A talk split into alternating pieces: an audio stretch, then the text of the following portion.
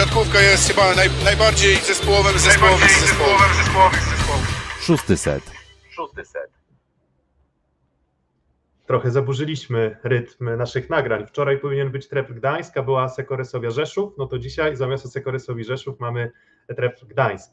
E, Opowiemy o Treflu Gdańsk, opowiemy o tym, co się wydarzyło w drużynie, w której najmniej transferów, e, jeśli chodzi o wszystkie drużyny plus ligi w stawce. E, No i z kim innym nie por- mógłbym nie por- porozmawiać o akurat Gdańsku, jak nie o rodowitym Gdynianinie. Kuba Lewandowski. Cześć, nawet na tę okazję się ogoliłem, bo to taka okazja, że trzeba wyglądać. Tak, tak, tak. No właśnie, ogoliłeś się, ale nie. Czy, czy, czy grzywa gdańskich lwów zostanie ogolona w tym sezonie? Bo myślę, że to jest pytanie, które po bardzo udanym poprzednim sezonie i też, ba- też udanym sezonie, dwa, dwa sezony wstecz przerwanym przez COVID, wszyscy chyba sobie zadają to pytanie, czy Tref Gdańsk jest drużyną, która może em, powtórzyć, nawiązać do poprzedniego sezonu, w którym bardzo niewiele zabrakło do tego, żeby wyeliminować e, Werwę Warszawa obecnie projekt Warszawa awansować e, do półfinału plus ligi. Nie udało się, finalnie miejsce szóste po trzecim miejscu po fazie zasadniczej, co było spektakularnym sukcesem Gdańska.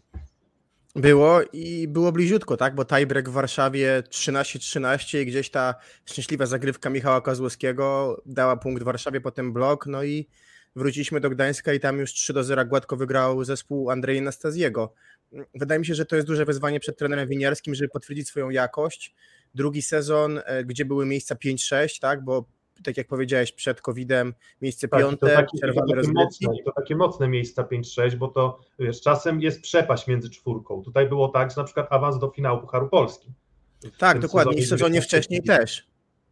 Dokładnie, więc, więc to nie jest tak, że to, była, że to były drużyny, które, nie wiem, no samo trzecie miejsce mówi dużo, tak? W sensie zajęcie trzeciego miejsca w fazie zasadniczej, gdzie na dystansie tych 26 kolejek musisz udowodnić swoją przewagę nad drużynami możniejszymi, o większym budżecie, z teoretycznie lepszymi zawodnikami, no to to jest wielka robota winiara. Ja wiem, że ty ołtarzyk winiara masz w domu i ja tak powoli zaczynam swój ołtarzyk też budować, bo no, trak- traktuję go jako być może naturalnego następcę kiedyś, nie wiem, czy już teraz, czy kiedyś, ale traktuję go jako naturalny wybór na selekcjonera kadry, ale on cały czas jeszcze musi udowadniać, że to nie jest, to nie jest przypadek, on cały czas musi udowadniać, że będzie na przykład, tak jak w tym sezonie, w stanie uzupełnić luki w składzie Gdańska, tak? Bo, Tak, bo tak. kilka tych luk się pojawiło.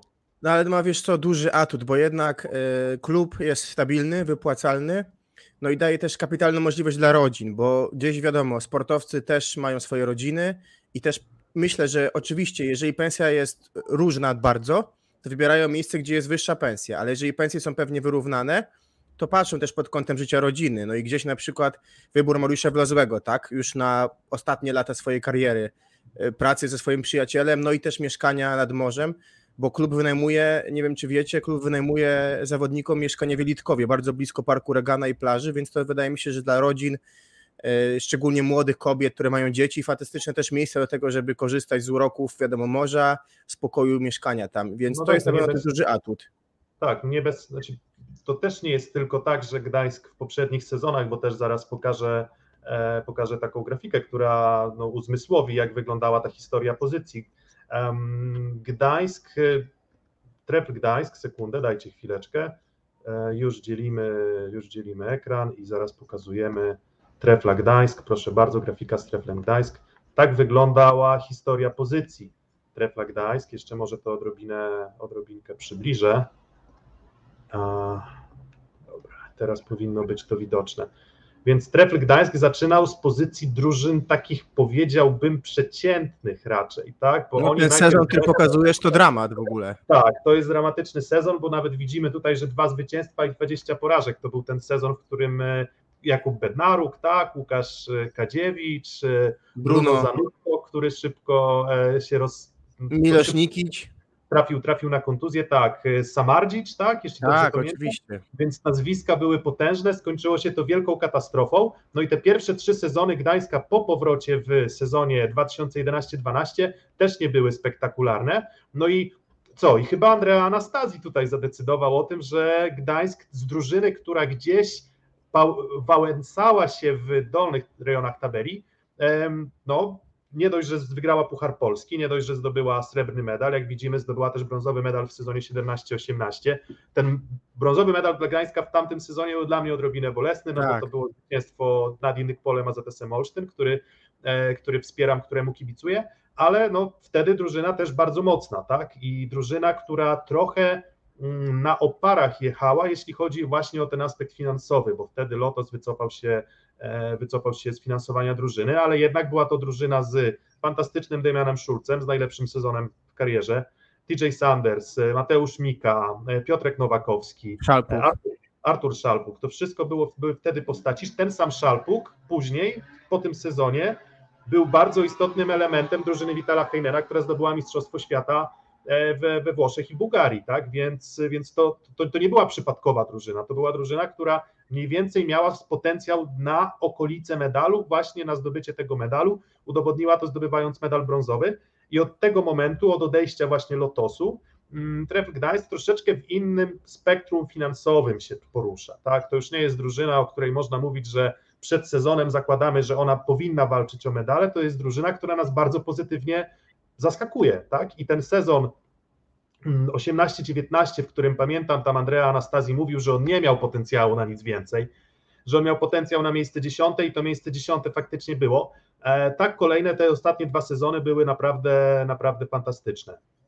Tak, no Anastazji wydaje się też, że trochę ten materiał się już wyczerpał w Gdańsku, bo to były te lata, gdzie bardzo mocną rolę odgrywał też Piotr Gacek, gdzie ta drużyna była bardzo stabilna, najpierw finansowo przez Lotos, ale Lotos potem się wycofał, no i potem tak naprawdę to była już tylko mocna trenerem, Mm, no i ten sezon też ostatni Anastazjego też był sukcesem, jeżeli chodzi o Ligę Mistrzów, bo pamiętamy Tak, piłka w tak, górze Muzeja na, na awans do półfinału, już wtedy nie było Final Four, ale do półfinału po, w meczu z Zenitem, no nie udało się, natomiast to była na pewno piękna przygoda.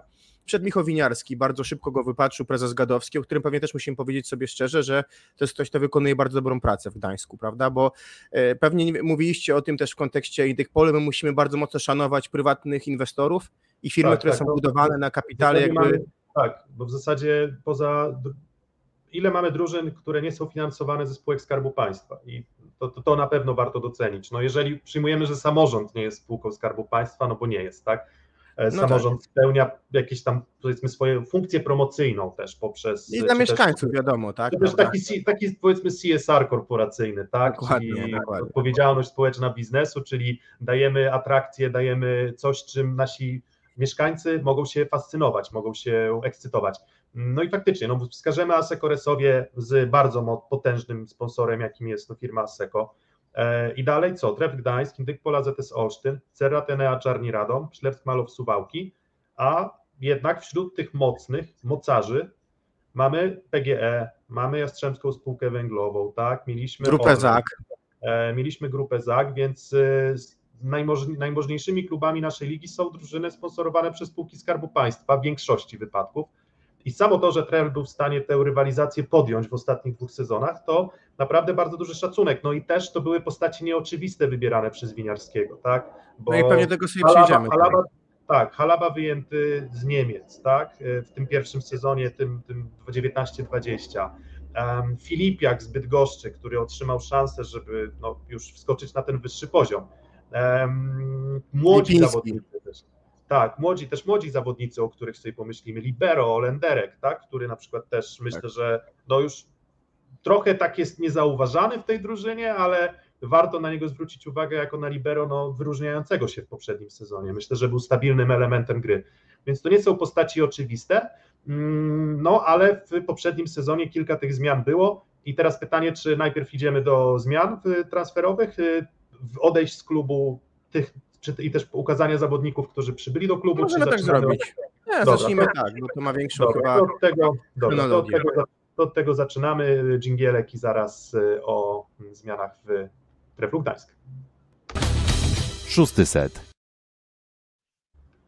Zaraz ukażemy naszą tabelkę, która jest stałym elementem naszej, em, naszej, mm, naszych zapowiedzi przedsezonowych, tak? bo jest to, mm, jest to bardzo istotne, żebyśmy byli w stanie odnieść się do tego, jak Gdańsk grał w poprzednim sezonie, ale też i tego, jakie zmiany nastąpiły. I te zmiany nie są Kosmetyczne wręcz.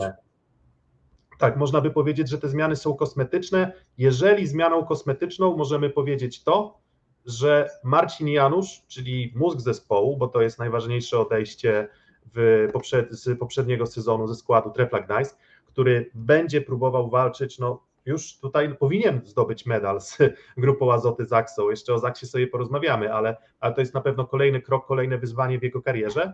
Mm, no to pytanie, czy odejście Marcina Janusza można nazwać odejściem kosmetycznym, bo to jest tylko jedna postać, może poza Fabianem Majcherskim, ale on jednak głównie przegrywał rywalizację z Maciejem Olenderkiem, więc w zasadzie Marcin Janusz to jest odejście jedna, to jest jedna osoba, która odchodzi z Trepla Gdańsk, ale pytanie, jak dużo według Ciebie to znaczy, też biorąc pod uwagę to, kto przychodzi jako następca. W ogóle w momencie, kiedy przedłużano kontrakt e, z zawodnikami, było tak, że to było jeszcze e, w sezonie poprzednim, jeszcze nie tym zakończonym, tylko jednym wcześniej. Przedłużano o rok umowę z Januszem i o trzy lata z Łukaszem Kozubem. I wydawało się, że w tym momencie, w którym Janusz będzie odchodził, co było przewidywane na koniec poprzedniego sezonu, następcą zostanie Łukasz Kozub. No tutaj uznał y, trener Winiarski, y, że potrzebuje dalej Łukasz Kozub wsparcia, chociaż on z paringa wychodzi częściej gra. No i to wsparcie przyszło, wydaje mi się, w tym momencie w lidze z najlepszej strony, bo przychodzi Lukas Kampa, który miał za sobą ciężki sezon mentalnie. Ale mistrz, ale jednocześnie przychodzi mistrz Polski. No właśnie, bo miał ciężki sezon, bo dowiedział szybko, że przychodzi to Newty. Chyba zareagował na to dosyć alergicznie jednak, jako takie wotum nieufności dla niego. Tak, I mam wrażenie, historia, że gdzieś nawet finały. O, tak, pamiętasz historię o utracie roli kapitana, którą tak, przejął dokładnie. Juri Gładyr w trakcie sezonu, więc coś na pewno tam zazgrzytało. To, to, to dokładnie. Tego typu zmiany nie biorą się z niczego. Dokładnie i Kampa naładowany w finale, pamiętasz, kontuzją, grając ostatnie piłki, robiący blok chyba tam na Semeniuku, i, który dał finalnie tak naprawdę Jastrzębiu tytuł. No i przychodzi mistrz Polski, zawodnik, który Mm, o to ciebie może zapytam, czy dla ciebie jego specyfika gry nie jest lekko zbliżona do Janusza właśnie? Tak, znaczy ja, ja od, początku, od początku o tym mówiłem, że jeżeli ja miałbym znaleźć jednego zawodnika o podobnej charakterystyce do Marcina Janusza, to powiedziałbym właśnie, że Lukas Kampa jest dla mnie tego typu, tego typu zawodnikiem. E, też biorąc pod uwagę to, że mm, z uwagi na na przykład przyjęcie Bartłomieja Lipińskiego w zeszłym sezonie, Marcin Janusz nie zawsze miał taki swobodny komfort gry. Tak? To jest jednak zawodnik, Mm, to jest ten typ rozgrywającego, który jest dla mnie trochę taką mm, elementem tej takiej nowej awangardy rozgrywających, którzy wchodzą do siatkówki, czyli są silni, mają dobry blok, mają agresywną zagrywkę i potrafią dobrze sobie radzić z piłek oddalonych, roz, rozegraniem piłek oddalonych od siatki. I pod, bardzo podobnie wygląda to z Lukasem Campą. Przecież ja pamiętam sezon, w którym z Salvadorem Hidalgo Oliwą i Maciejem Muzajem w zasadzie to było granie na dwa skrzydła i jeszcze wtedy e, Jason DeRocco czy mm, Scott Tuziński, tak, wtedy w tak. Polskim Węglu to były takie postaci, które gdzieś tam gdzieś wspierały tę podstawową dwójkę, ale na przykład tego środka było mm, bardzo niedużo. Z drugiej strony Lukas Kampa w poprzednim sezonie pokazał, że jest w stanie grać bardzo skutecznie na środku i Gładyr i Wiśniewski byli chyba, to zestawienie, które było w Jastrzębskim Węglu w zeszłym sezonie, też e, było chyba najskuteczniejszym, jeżeli dobrze pamiętam, e, zestawieniem środkowych ze wszystkich w lidze, tak, że popełniali tak. najmniej błędów, więc i ta skuteczność i efektywność ataku była bardzo wysoka. Więc tak, więc wydaje mi się, że Lukas Kampa, jeszcze biorąc pod uwagę swoje warunki fizyczne, biorąc pod uwagę blok, no jest takim zastępstwem jeden do jednego za Marcina Janusza, biorąc pod uwagę też to, że Kozub jest jednak odrobinę niższy, i on jednak ma troszeczkę inną tę swoją charakterystykę rozegrania. On dawał dobre zmiany w poprzednim sezonie. Ja się spodziewam, że tutaj Winiarski będzie korzystał i z Kampy, i z Kozuba. Tak? Myślę, że nie pewno i pod... żeby to był jeden gracz, ale, no ale Kampa to bardziej Janusz, zdecydowanie. Myślę, że tak, no i pod, będzie bardzo często, myślę, że gra na podwójna zmiana, bo jednak na fali wznoszącej jest Kevin Sasak, w ogóle tutaj chyba nam ucięło na tym obrazie jeszcze dwóch zawodników, którzy zostali, tak? Albo jest po prostu tak, tak, tak dużo. Tak, tak, ja trochę, trochę przybliżyłem, tak, ale, ale w zasadzie jeżeli chodzi o zmiany, bo też e, nie wszyscy słuchają nas na YouTubie, nie wszyscy mają okazję zobaczyć ten materiał, albo tylko będą nas słuchać w wersji audio, nie w wersji z wideo, no to jeszcze wspomnijmy, że Mateusz Janikowski odchodzi na czwartego przyjmującego do projektu Warszawa, czwartego trzeciego, Bartosz Pietruczuk szczebelek niżej, on przyszedł w trakcie sezonu i wraca na poziom pierwszej ligi do BBTS-u Bielsko-Biała i to był chyba całkiem przyzwoity też transfer taki ratunkowy. E, to jest zresztą taka ciekawostka, e, on jest z Malborka i chodził z moją narzeczoną do klasy w gimnazjum, Bartusz Pietruszuk, także no No to E, widzisz, tak, to świat, jest, świat jest mały, ale Bartosz Pietruczuk nie, e, nie, nie pozostanie w Gdańsku, on możliwie najdalej na południe się przemieszcza. Tak, to prawda. do BDTS-u Bielsko-Biała. Seweryn Lipiński, e, Olimpia Sulęcin, to jest czwarty środkowy, on tam idzie ewidentnie grać, tak? To, to, to Mhm. myślę, że taki jest zamiar. No i Fabian Majcherski, Zaksa Strzelce Opolskie, on wydaje mi się, że jest też zgłoszony jako libero do tej, tej Zaksy Zaksy w plus ligowej. Jeżeli patrzyłem na, z tego co pamiętam, na tyle, na ile się przyjrzałem składom na, na stronie Plus Ligi, no ale założenia do tej pierwszoligowej Zaksy Strzelce Opolskie, czyli jako takie uzupełnienie. Tutaj dużej straty e, nie ma. No tak, ale wiesz, on miał taki moment, kiedy on grał przecież finał, chyba nawet finał Pucharu Polski, on grał cały ten, który wygrał trefl mm, jeszcze z Sandersem, bo miał kontuzję o Lenderach, więc to też jest zawodnik, który mam wrażenie ma potencjał wysoki i go pewnie męczy też trochę to, że jednak mniej grał, tak? I to jest typowa zmiana też pod granie.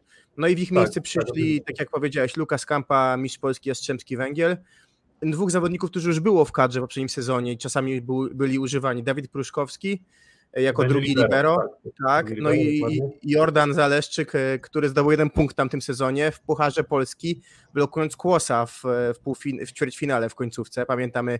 Pamię, tak, E, pamiętam, pamiętam to i, i ma numer 23, więc i Tak. na koszulce ma Jordan, nie Zaleszczyk. Dokładnie, Jordan. dokładnie, Więc razie Z dokładnie. tego zapamiętaliśmy Jo- Jordana, Jordana Zaleszczyka.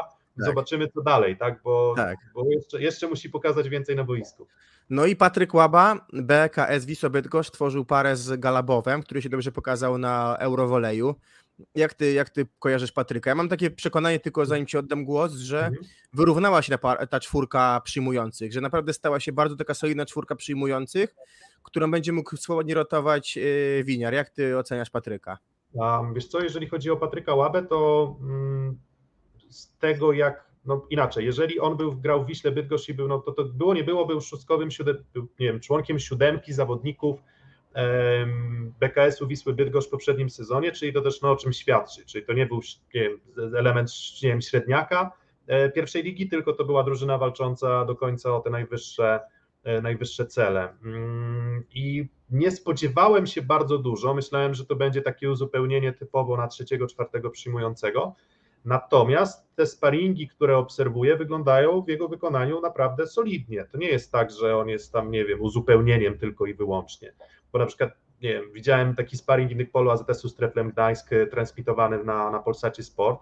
No to, no to Łaba naprawdę prezentował się mm, solidnie i nawet jak się przyjrzymy tym statystykom, no bo one nie powiedzą nam wszystkiego, ale też nie wszystkie sparingi jesteśmy w stanie obejrzeć, no to ten Patryk Łaba wydaje mi się, że nie będzie obawy o to, żeby wpuścić go na boisko, bo zaskakująco dobrze sobie radzi w wielu elementach, aczkolwiek to tylko są sparingi, tak? Mimo wszystko nie spodziewam się, żeby tego boiska powąchał bardzo dużo, ale mimo wszystko, jakbym miał go przyrównać do Pietruczuka, jakby tak szukając takiego następstwa jeden do jednego, to wydaje mi się, że, że jest to na pewno szczebel wyżej.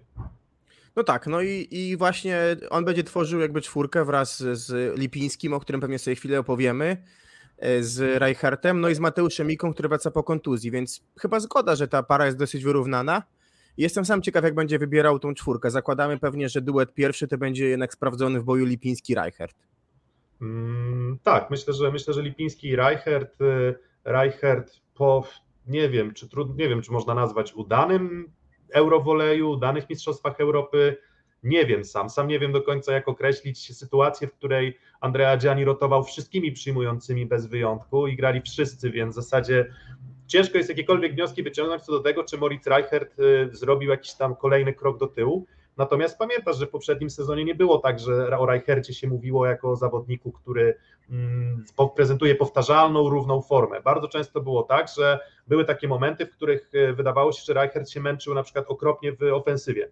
Że o ile zagrywka była jego atutem i zagrywką potrafił zdobywać punkty, mm, czasem nawet y, serwować kilka razy pod rząd, tak, w serii, Mhm. więc to, to na pewno był jego atut, ale jeśli chodzi o te atuty ofensywne, to były takie mecze, w których on sobie bardzo nie radził, ale wydaje mi się, że on się wygrzebał z tego na koniec sezonu, w sensie, że w momencie, w którym Lipiński troszeczkę zaczął już oddychać rękawami, ta forma, którą prezentował na początku sezonu poprzedniego już nieco zaczynała przygasać, no to wtedy faktycznie Reichert się odrobinę mocniej włączył do, e, do gry w ofensywie i wydaje mi się, że no to, to no powinien być lepszy, tak?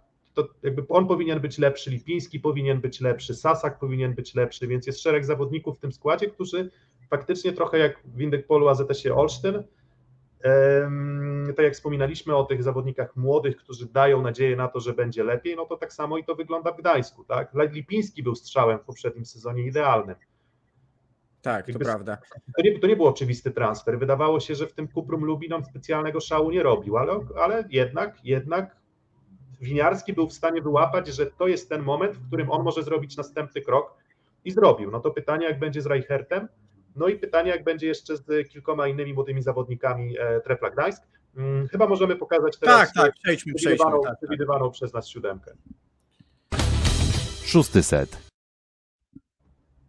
Jak pokazujesz, to ja może powiem jedno zdanie, że mówiłem to chyba w transmisjach w trakcie sezonu, że dla mnie, gdybym był przyjmującym, no to praca z winiarskim to jest przyjemność, tak? Chcesz iść, no bo jednak mieliśmy do czynienia z kimś, kto jednak w swojej dziedzinie był wybitny. Tak jak Grbiciem chcesz pracować jako rozgrywający, tak wydaje mi się, że jako przyjmujący chcesz pracować z winiarskim. Mm, tak, no to jest bardzo duży atut Trefla Gdańsk. To, co mówiłeś, nie dość, że ta atmosfera, e, klimat nadmorski, nie dość, że wydaje się, że taka też zdrowa, pozytywna atmosfera w klubie, tak? Trefla nie kojarzę raczej z kwasów.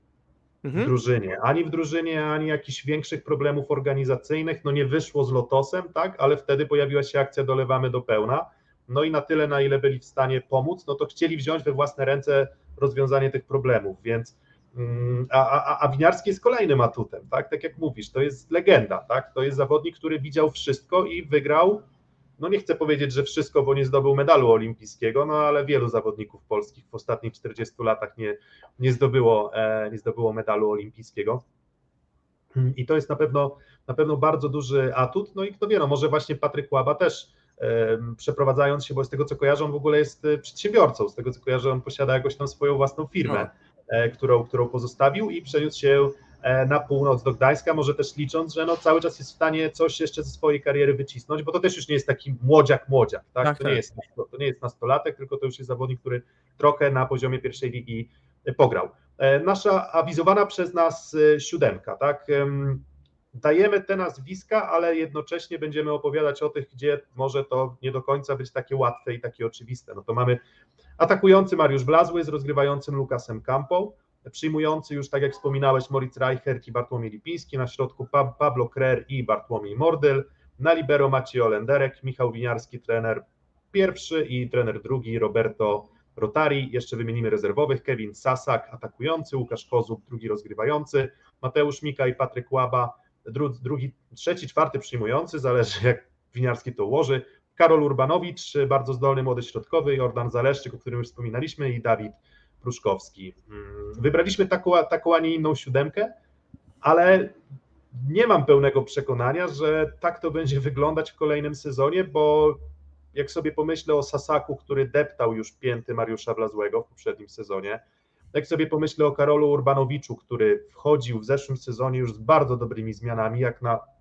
pierwszy sezon tak naprawdę seniorski, w obliczu kontuzji Bartłomieja Mordyla, on został wrzucony na głęboką wodę i pokazywał może niepowtarzalnie dobrą grę, ale zalążki tej dobrej gry. Mhm. No więc jak bardzo będzie rotował Winiarski? W zeszłym sezonie rotował dość dużo. No, na tyle na ile mógł.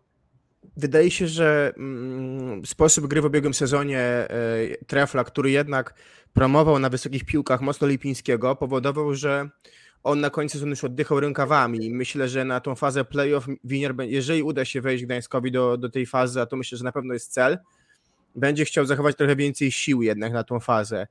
Kwestia znowu Mariusza Wlazłego, no bo to był zawodnik, który prezentował się, bo robiłeś w Jasnowidzu pytanie, czy będzie lepiej, czy gorzej, jeżeli chodzi o efektywność niż e, był Filipiak i było lepiej, tak, natomiast tak, Mariusz tak. bardzo falował. Były mecze, kiedy wyglądał na przykład jak w półfinale Pucharu Polski z Jastrzębskim Węglem, grał bardzo słabo, a tak, były mecze, plus, które sam Blazły wygrywał.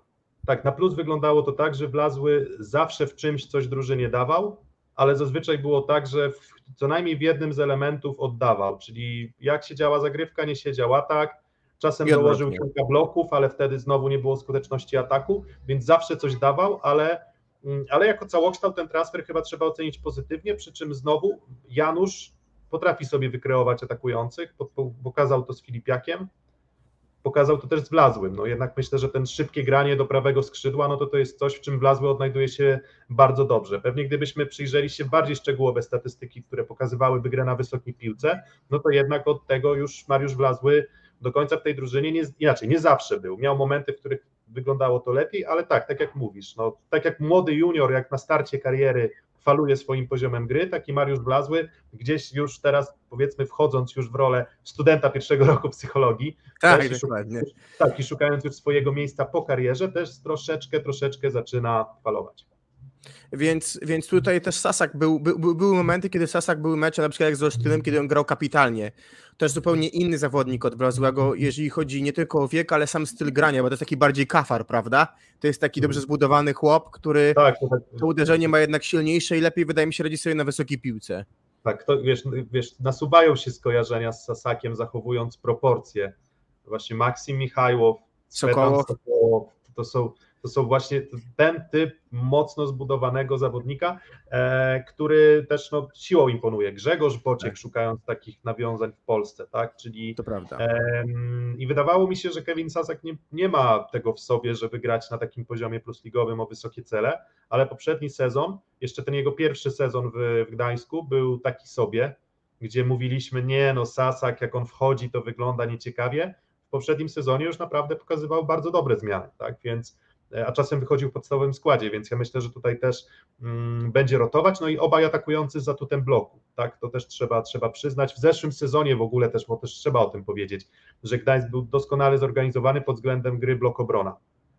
W zasadzie tym- z, tego składu, z tego składu, który w zeszłym sezonie tak fantastycznie działał w tym aspekcie, zostali wszyscy poza Januszem, tak, więc... A Kampa jest powiedzieć- podobny. tak, Kampa jest podobny, więc można powiedzieć, że Winiarski trochę kontynuuje, znaczy on jest w najbardziej komfortowej sytuacji, jeśli chodzi o kontynuowanie dobrze zbudowanego systemu. Tak, bo chyba Mhm. Gd- Gdańsk był drugi po Zaksie, tak, jeżeli chodzi o grę defensywną. E, No i to też są argumenty, których ty mówiłeś w kontekście e, tego, jak widziałeś grę Polski i mówisz, co zbudował Winiarski chociażby, tak? I jednak jako, jako zupełnie inny sposób grania. No, pytanie, czy drugi, rak, drugi sezon pod rząd to się sprawdzi. Widać, że siatkówka w tą stronę idzie. To pokazały Igrzyska, to pokazała między innymi też zwycięstwo e, gra Słowenii i Włoch na Eurowoleju, więc pewnie w stosunku do siatkówka pytanie na ile, bo były takie momenty, kiedy przeciwko takim drużynom silnym, jak na przykład Jastrzębie, brakowało tego Gdańskowi, prawda, tej, tej mocy. Pytanie, czy Tak. obecny skład tej mocy więcej nie ma, ma tyle samo tej mocy, tak, no bo Tak, nie no, wierzę w to, chyba że Mika wróci na poziom, którym był w roku 14, ale to chyba jest bardzo trudne przy jego sytuacji zdrowotnej. Bo tak, trudno, bo tak, spoglądamy na tę podstawową siódemkę, spoglądamy na rezerwowych i zaraz przejdziemy do naszych typów na, e, na, na, dla Trepla Gdańsk na kolejny sezon, ale zastanówmy się, gdzie tu jest przestrzeń, żeby z drużyny, która no, w zeszłym sezonie zajęła szóste miejsce, wydaje mi się, ja nie chcę tutaj niczego ujmować Gdańskowi, ale wydaje mi się, że trochę skorzystali na, tym problem, na tych problemach covidowych, trochę skorzystali na szarpanym terminarzu, co wyszło też może trochę w tym ćwierćfinale z Werbą, że było blisko, ale to nie było tak, że to była, nie wiem, trzecie a szóste miejsce, jak się okazało, tak dużej różnicy nie było, tak, potem mecz z Resowią, też porażka, już troszeczkę wyczerpani, już na pewno ten deficyt energii e, w Gdańsku, w Gdańsku na pewno był na boisku widoczny, Mm, no to gdzie tu jest przestrzeń na to, żeby to usprawnić, tak, Bartłomiej Mordel powinien być lepszy, tak, on, on rośnie, tak, rośnie z sezonu na sezon, ale to też nie jest środkowy, od którego ja oczekuję, że on nagle, nie wiem, w ofensywie to dużo, da dużo więcej. A o ofensywę raczej musimy zapytać. Musimy zapytać, kto da większą jakość w ataku. Mówię, może Lipiński Mika, będzie- jeżeli...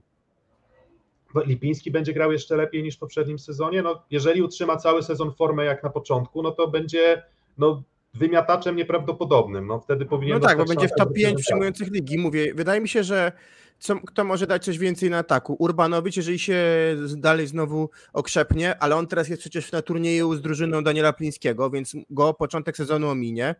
Mhm. No okej, może Sasak będzie grał więcej koszty Winiarskiego i będzie równiejszy. Tak naprawdę Ale, tutaj... Blazły, ale Blazły był skutecznym atakującym. No właśnie, to jest taka prawda. Ciężko jest Mówię- zastrzeżenia do skuteczności. Akurat. Jeżeli to, to mówię, potencjalnie Urbanowicz może dać więcej w ataku niż Mordy, ale to jest dalej młody zawodnik i to musiałby być skok kolosalny, o który jest bardzo ciężko. No i potencjał jest jak- Mateusz Mite. Widzisz, a jak wstawisz Urbanowicza, to z kolei kosztem Mordyla na przykład jest masz blok, tak? Gdzie Mordyl No tak, jest oczywiście. szczebelek dalej, więc no to jakoś będzie musiał to Winiarski poukładać. Um, no i zobaczymy, jak to poukłada. Ja spodziewam się sporej liczby jednak mimo wszystko rotacji. Mateusz Mika zdrowy, ponoć zdrowy, tak, ponoć, aczkolwiek w tych sparingach nie gra aż tak dużo, jak ja się spodziewałem. Myślałem, że będę go widział częściej, więc jak z tym zdrowiem jest, y, nie wiemy do końca, tak. Mm, Ja zaraz jedę na mecz, nie, tutaj taka tajemnica, zaraz jedę do Nowego Dworu Mazowieckiego na mecz z Olsztynem, więc zobaczę i, i zdam raport na pewno, jak to wygląda zdrowotnie. Dokładnie, więc zobaczymy, na, na, na rozgrzewce się przyjrzysz, tak, to między innymi. Znaczy, no bo to- rozgrzewka chyba mnie ominie, ale, ale, No, ale na pewno zobaczę, jak to będzie wyglądało w trakcie meczu i w trakcie przerw i tak dalej. Dobra, to, to nie zatrzymujemy 30 minut na liczniku i jeszcze ostatnia sekcja naszego odcinka o Trefu Gdańsk, czyli nasze przewidywania na kolejny sezon. Szósty set. No i nasze przewidywania na kolejny sezon. Kuba, zeszły sezon trzecie miejsce po fazie zasadniczej, a szóste na koniec sezonu. E, Sezon 19-20, nierozegrane playoffy, ale wtedy Gdańsk zakończył na miejscu piątym. Ale tam była duża różnica między czterema pierwszymi a resztą, a Mhm. po poprzednim sezonie już Tak. tak nie było. Y, Na pewno cel to playoffy, natomiast mam wrażenie, że liga się wzmocniła, bo wzmocniła się drużyna Zawiercia, wzmocnił się Olsztyn. Y, Tak już jadąc po kolei, kto był przed, no to prze, Warszawa chyba też się wzmocniła, albo jest status quo. Więc tak naprawdę z drużyn, które były pod treflem, dwie drużyny się wzmocniły mocno, prawda? Olsztyn i Zawiercie, co najmniej. Czyli mamy już osiem zespołów. No i potem są drużyny jak Suwałki, które wydają się być stabilne i też może chcą zrobić krok do przodu. Każda drużyna ma swój, swoje ambicje i Gdańskowi będzie trudno pozycję poprawić. Z drugiej strony wydaje mi się, że Wynielski wyciągnął wnioski i chce przygotować, jeżeli wejdzie się do playoffów, to chce, żeby ta gra była lepsza w playoffach. Więc są fundamenty. Pytanie, na ile ten fundament, który jest na, powiedzmy, na tym poziomie, jesteśmy w stanie wstawić trochę wyżej, bo pewnie No będzie tak. trzeba go podnieść wyżej w tym Mhm. sezonie. Tak, no bo jeżeli tak, jeżeli mówimy o drużynach, które były nad treflem Gdańsk w poprzednim sezonie, to wydaje się, że jednak ruchy transferowe drużyn takich jak, nie wiem, Resowia, Jastrzębie, Zaksa, właśnie e, Werwa Warszawa, właśnie mm, Aluron CMC Warta Zawiercie, oni akurat e, na ósmym miejscu, tak, ale tak jak mówisz, no jest kilka drużyn, które jednak wskazałbym z automatu ciutkę wyżej, tak. Atutem Gdańska oczywiście jest to, że w zeszłym sezonie mówiliśmy dokładnie to samo. W zeszłym sezonie mało kto byłby w stanie wytypować Gdańsk na rewelację sezonu. Um, No i jest to, zgranie, prawda? Że siatkówka, że siatkówka nie jest tylko kwestią tego, czy masz indywidualności, a bardziej tego, jak one tworzą jakąś tam, nie wiem, synergię. Pokazał sezon repreze- re- reprezentacyjny sezon, to pokazał bardzo mocno. Tak, więc, więc sklejenie zawodników tylko z mocnych nazwisk nie, nie wystarczy. Tak? Mm, Wiesz na co liczę? Na dobry start, bo Gdańsk jest zgrany, a zobacz, dużo drużyn, na zawiercie zobacz, dopiero teraz dołącza, dołączył niedawno Conte, dołączył niedawno Tavares, mm, za chwilę dopiero dołączył Kowaczewicz. Tak, dopiero wchodzi. Ja Podobnie z Resnowią. Węglu, w Jastrzębskim Węglu dopiero to Newty się pojawił, e, reprezentanci Polski w Zaksie. No jest, jest, kilku zawod, jest kilku zawodników faktycznie, którzy, którzy dopiero na tydzień przed startem ligi dołączają. Nawet Indyk Pola ZS Olsztyn, mój oczywiście ukochany Mejsam Salehi, cały czas jeszcze go nie ma w klubie. Tak, Tak, no, a w jest Gdańsku, klubie. zobacz, poza Reichertem wszyscy zrobili pełen przygotowań, wszyscy. Dokładnie, więc e, start Gdańska jest, e, można by powiedzieć, mięciutki. E, Nie jest bardzo trudny. Jeśli chodzi też o terminarz, bo tak z ciekawości spojrzę. Pierwszy mecz e, GKS Katowice, potem Aluron CMC Warta Zawiercie, potem Kuprum Lubin, Enea Czarni Radom i Stal Nysa. Pierwsze pięć spotkań wydaje się, że takie do zdobycia, ja wiem, Dziewięć? 10, No. 9, 10, 11 punktów i to, może, i to może dać bardzo duży rozpęd Gdańskowi, bo oczywiście potem zmierzy, mierzy się z drużynami lepszymi, ale o ile inny komfort jest psychiczny, jeżeli na początku wystartujesz z tymi kilkoma zwycięstwami. I to zawsze Więc był atut Gdańska początek.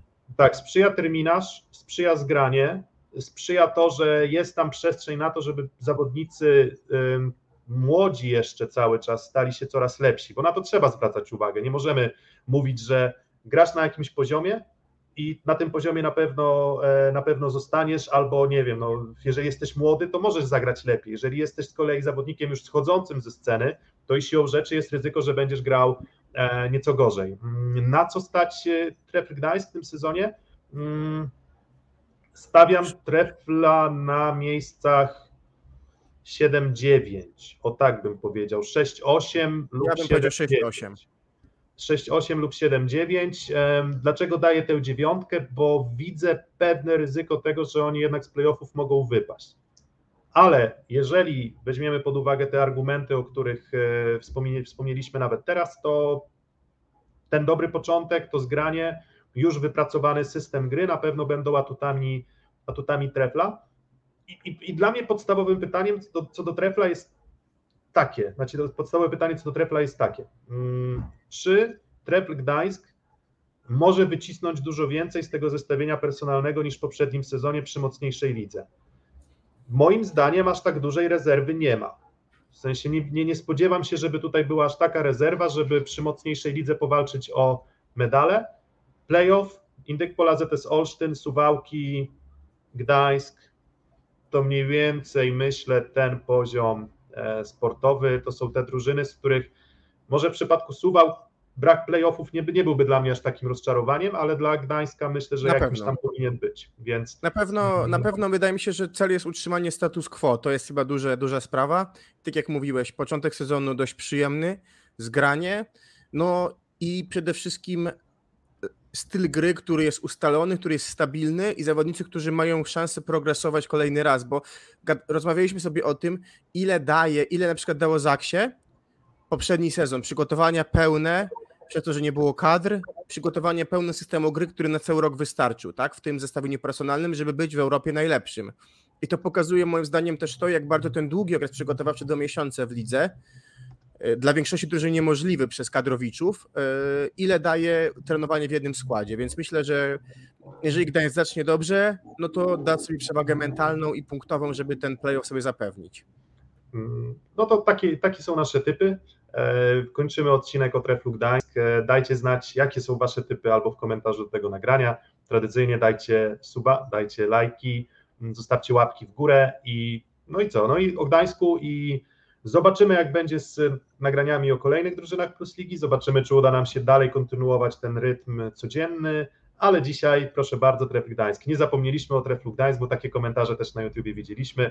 To były kwestie techniczno-organizacyjne, że akurat Resowia była wczoraj. A tymczasem dziękujemy za uwagę. Kuba, Dziękuję bardzo, dzięki, trzymajcie się. ja też dziękuję i do, do usłyszenia już wkrótce. Trzymajcie się.